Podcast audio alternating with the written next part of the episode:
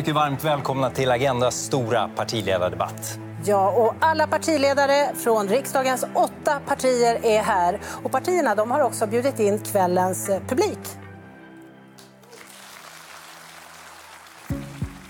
Valgkamp har alltid vært en konkurranse i påvirkning og til dels manipulasjon. Og om få timer får vi se hvem som ender opp med makta i Sverige.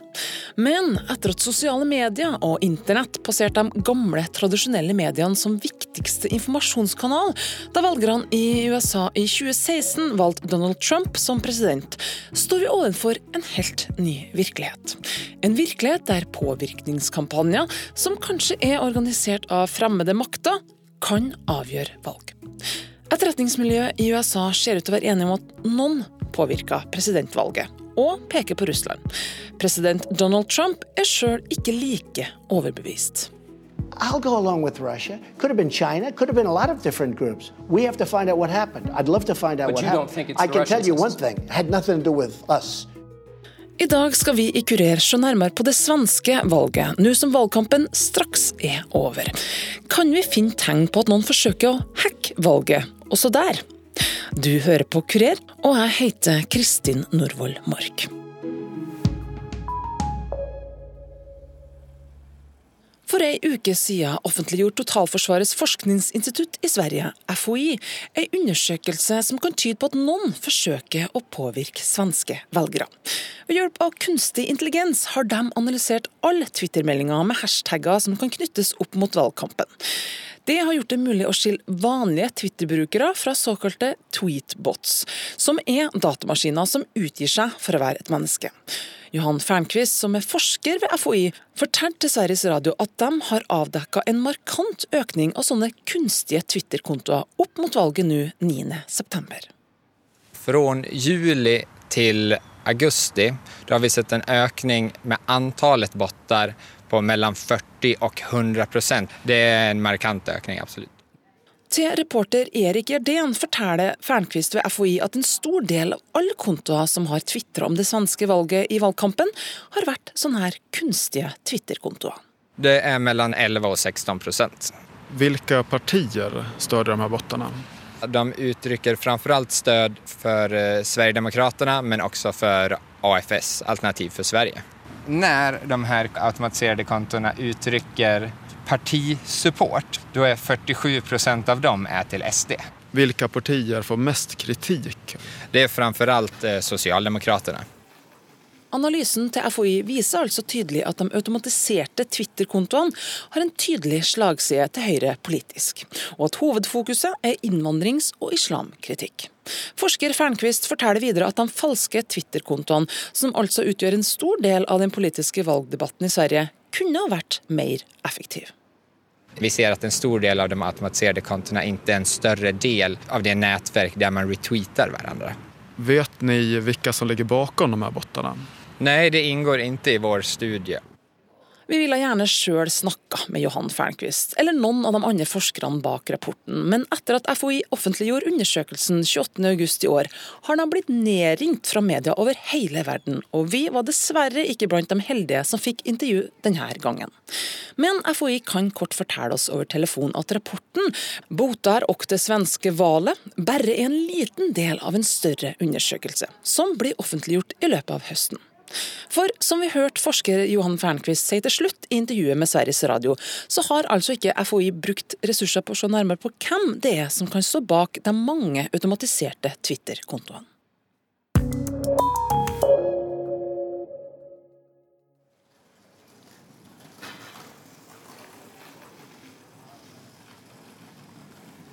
Kurers reporter Anna Iversen tok seg en tur ut på gata i Stockholm for å snakke med svenske velgere. Elsa kan fortelle at hun selvsagt blir forsøkt påvirka på sosiale medier. Eh, ja, kanske lite. Altså, det kommer ju upp mycket annonser och så. Eh, så det skulle jag väl säga kanske känns lite påtvingat men eh, annars tror jag inte det. En rapport från FOI visar att mellan 11 och 16 procent av alla tweets som handlar om valet den senaste månaden kommer från automatiska Twitterkonton och inte riktiga Twitter-användare. Vad tänker du om det? Det känns ju ganska illa. Eller det känns ju, då blir det ju väldigt vinklat och väldigt mycket påverkan på individens egna val och det känns ju ganska illa skulle jag säga. Mikael Delin, som är undersøkende journalist i avisen Dagens Nyheter, har sammen med sina kollegor sett närmare på problematiken och forteller till Kurer vad de fant.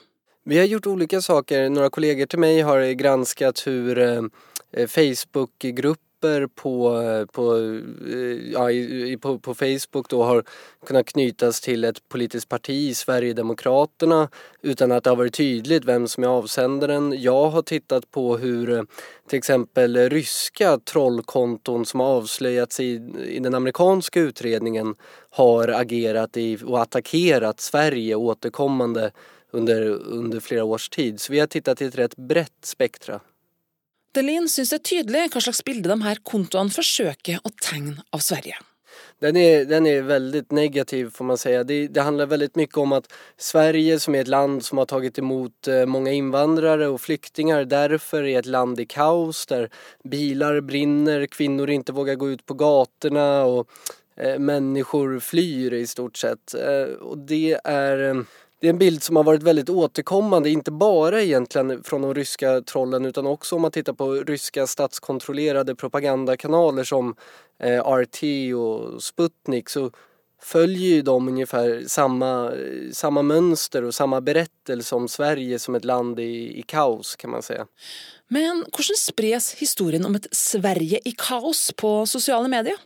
det är väldigt mycket enskilda historier, kanske brotts, brottsberättelser som har fått spinn i sociala medier. Till exempel om det brinner i bilar i svenska förorter så kan vi se hur ryska trollkonton som låtsas vara amerikanska Trump-supporters helt plötsligt börjar skriva om och om igen om titta på vad som händer i Sverige, här, här går allting under. Det är också väldigt generella mm, påhopp kan man säga att man pratar utan att hänvisa till något särskilt och påstår att, att Sverige helt enkelt eh, är på väg utför. Man använder Sverige som ett exempel på att det liberala väst kan man säga är hotat av, av invandrare och av muslimer och att våra, våra liberala värderingar är under attack och att det är särskilt tydligt i Sverige. Samtidigt så använder de här ryska trollen också eh, de, de svenska liberala värderingarna i sig som ett påhopp. Man, man säger titta på feministerna i Sverige, de är inte kloka. Så man, man attackerar från två olika håll kan man säga. Eh, och det är väldigt genomgående, det, det, det syns ofta. Men är det falska eller reella nyheter som sprids? Eh, det är både och. Eh, det är en del äkta nyheter som man blåser upp till att de blir väldigt stora. Jag menar att det brinner en, en bil i en svensk förort en kväll använder man som ett exempel på att allting är på väg att gå åt helskotta. Eh, men det är också falska nyheter, eller halvsanna nyheter. En, en särskilt populär nyhet som har figurerat bland eh, kanske ett tjugotal ryska trollkonton det är att en man i Sverige skulle ha dömts bara för att han åt bacon, alltså fläsk, framför, framför några kvinnor i slöja. Eh, och det är, en, det är en falsk nyhet som har spridits eh, mycket. I själva verket så dömdes den mannen mycket riktigt eh, för ofredande eftersom han hade jagat efter de här kvinnorna och sagt att han hatar muslimer och viftat eh, fläskkött i ansiktet på dem och så. Men det är ju inte det som eh, sprids av de ryska trollkontona. Tillbaka på gata i Stockholm har reporter Anna Iversen stoppat Alexander, som mener det är viktigt att vara kritisk när det är någon som prövar att manipulera velgerne. Det är klart det inte är bra att det är så där. Och, ja, men alltså, man, när man läser artiklar och ser sånt på nätet, jag tycker man ska vara källkritisk så man får tänka själv. Sen får man tänka på att det skrivs säkert massor med falska artiklar och det är mycket sånt på internet. En av dem som ser ut att tro på det här bildet som de här Twitterkontona tecknar av Sverige, är USAs president Donald Trump. You look at what's happening last night in Sweden.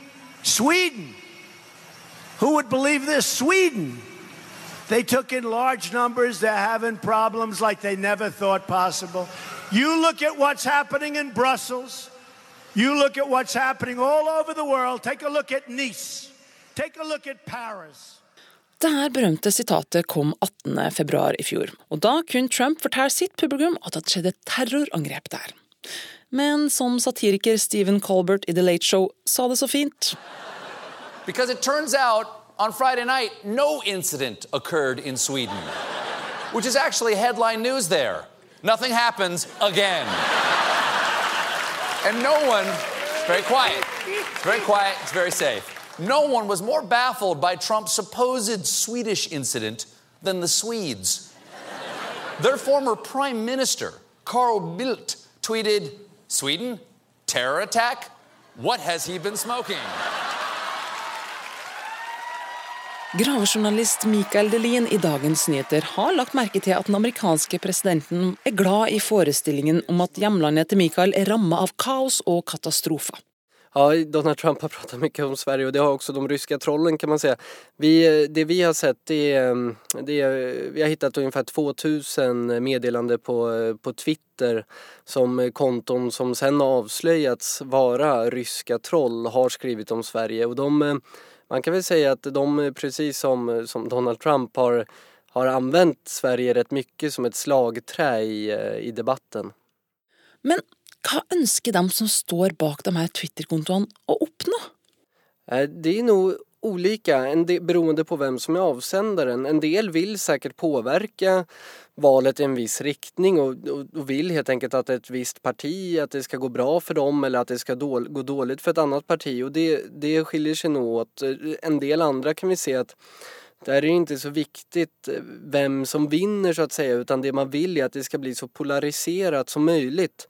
Att man eh, använder de extremerna i samhället och försöker uppmuntra dem eh, för, för att göra debatten så, ja, så, så splittrad som möjligt. Det syns ju inte minst med de här ryska trollkontona som gärna attackerar från flera olika håll eh, i hopp om att det ska bli så heta känslor som bara går.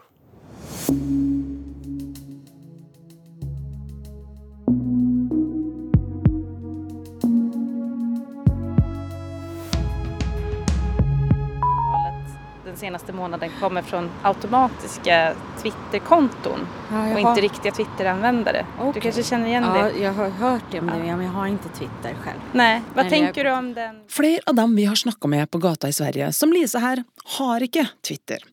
Vilken position har egentligen Twitter i Sverige?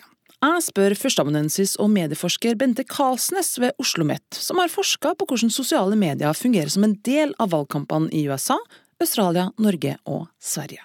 Ja, altså det er litt sånn som i, i Norge. Det, det, blir gjerne kalt et eh, uh, elitemedium i den forstand at det, det er uh, plattform som ikke så stor andel av befolkninga bruker. Um, kanskje rundt eh, uh, 20-25% av befolkninga bruker. Nå har jeg ikke sett det siste tallet på Sverige.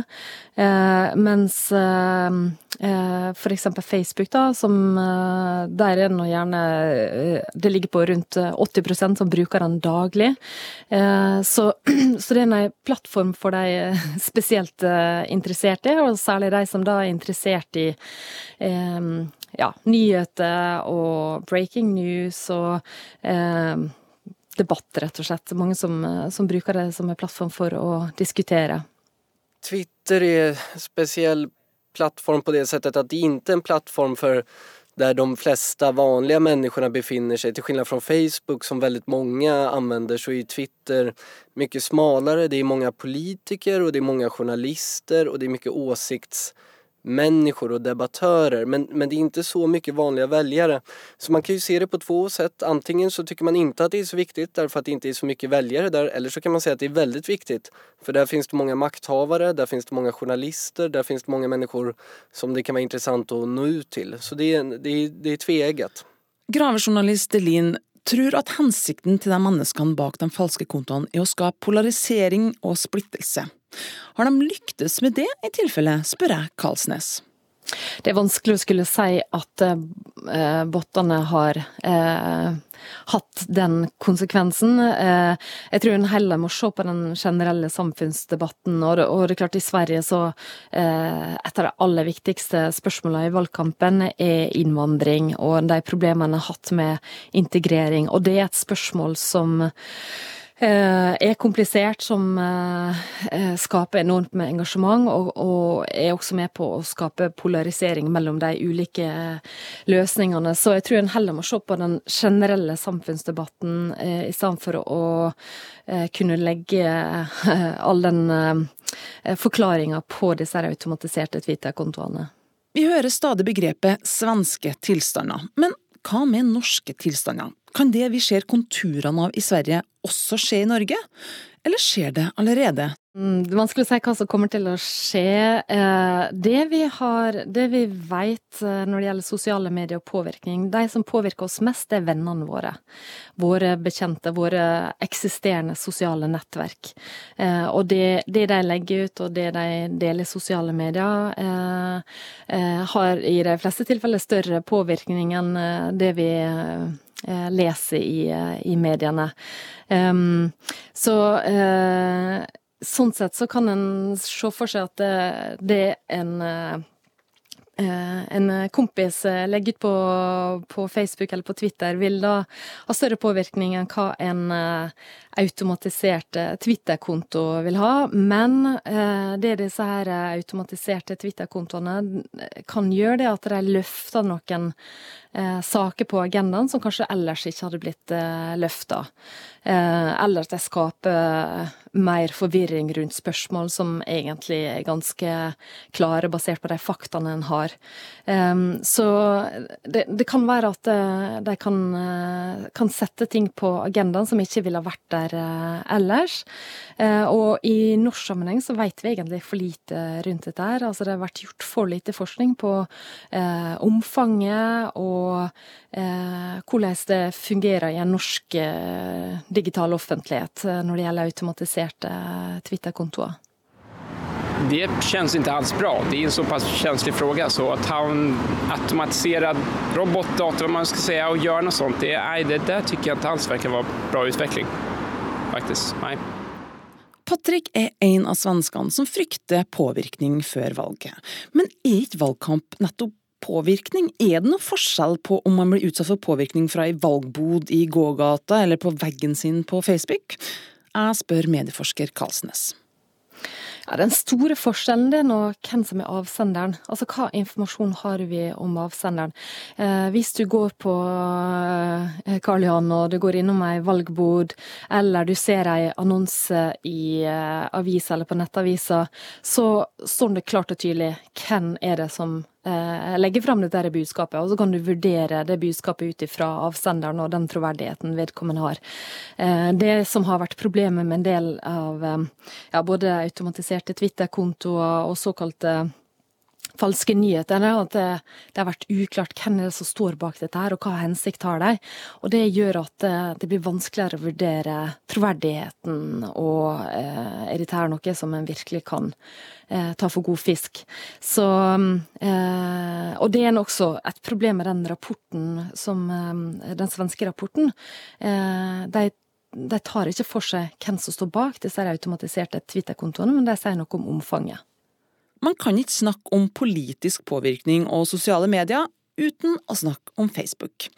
På SVTs nettsider har du de siste ukene kunnet klikke deg inn på Facebook-kartene, et kartleggingsverktøy initiert av SVTs digitalredaktør Malin Dahlberg.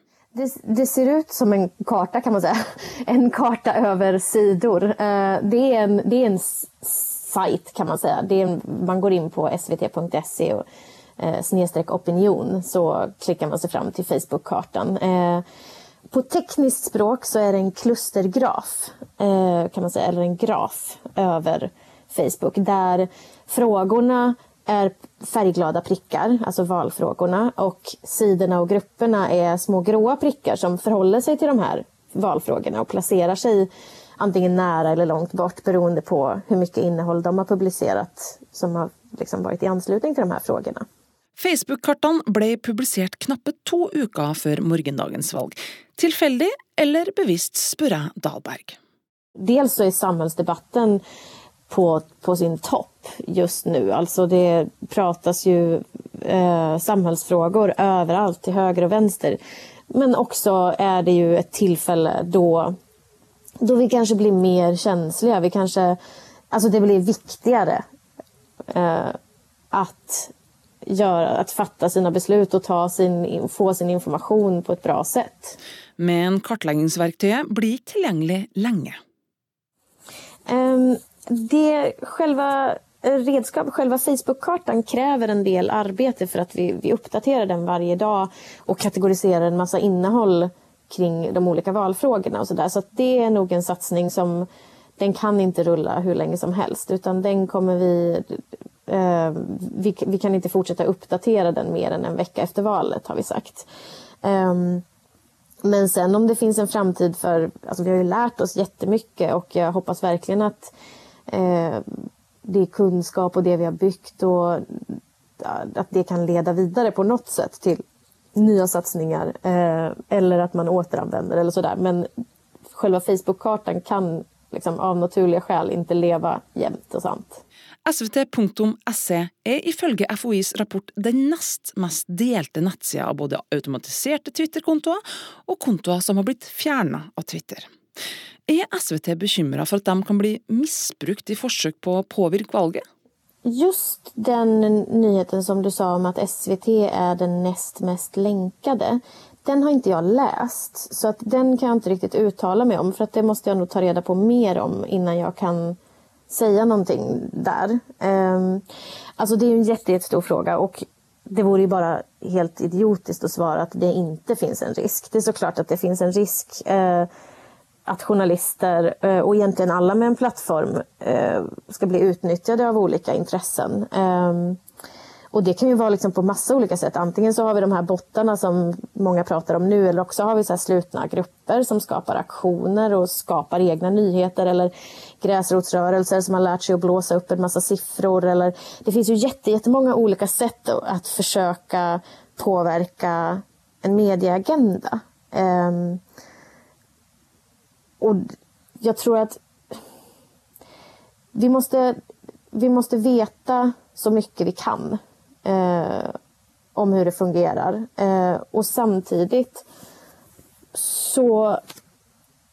Alltså någonting kan ju vara sant och viktigt att berätta även om det går någons intressen också. Även om det är så att det sitter någon och tjänar på att vi berättar det. Eh, förstår du vad jag menar? Så det är alltid en avvägning. Eh, är det här relevant att berätta? Det är där vi måste, det är den frågan vi ska ställa oss. Eh, och sen ska vi inte berätta saker för att det blir spritt på grund av liksom, att det finns folk som har intressen av det. Men vi kan, ibland så ska man heller inte väja för det. Så jag tror att det viktiga för oss är bara att hålla huvudet kallt, vara konsekvensneutrala och bevaka eh, nyheterna och valrörelsen på ett så sakligt och opartiskt sätt som möjligt. För digitalredaktören ser att svensk press är sårbar för manipulation. Absolut. Eh, jag tror Alltså man ska ju aldrig säga så här, vi är jätterustade för den här typen av utmaningar. Därför att det är ju då man blir lurad. Eh, och vi är inte det, det, det. finns alltid nya sätt. Jag tror att det finns säkert jättemånga sätt som inte, ens, som inte har liksom varit en stor nyhet om på, liksom, i medierna. Eh, utan som vi inte känner till ännu. Det finns ju... Eh, vi är jättesårbara, så är det. Och, men, men jag tror också att, alltså, att diskussionen finns. Så det, det gör den. Det är ett problem och det, och det är mycket som man kan önska att vi skulle göra. Men det är ett problem som de flesta nog i journalistkåren är medvetna om, tror jag. Det kan ske genom statskontrollerade nyhetsbolag eller sociala medier. Man försöker skapa en sorts eh, falsk gräsrotsrörelse eller en sorts känsla för att det finns ett många vanliga människor där ute som tycker någonting. Det kan påverka hur... Ökning av aktiviteter som syftar till att påverka förtroendet för valet. Och han säger att risken för påverkansoperationer inte är över inför valet. Till slut stiller det stora spørsmålet till digitalredaktör Malin Dahlberg. Tror hun att morgondagens val kommer att bli påvirka av sociala medier? Hun tør sjøl ikke å påstå noe her, men forteller meg heller hva de svenske forskerne og statsviterne har svart når hun har stilt det samme spørsmålet til dem. De har sagt, det vet vi inte. Det finns inga opinionsundersökningar. Och nu citerar jag verkligen bara eh, de här statsvetarna som jag pratat med. Det finns inga opinionsundersökningar som säger att, eh, eller inga undersökningar snarare, som säger att som visar hur liksom, genomslag på sociala medier skulle kunna ge eh, ett uppsving i opinionen. Det vet vi inte. Men rent generellt eh, så får jag som svar att vi är ganska tröga, eh, sa eh, någon forskare.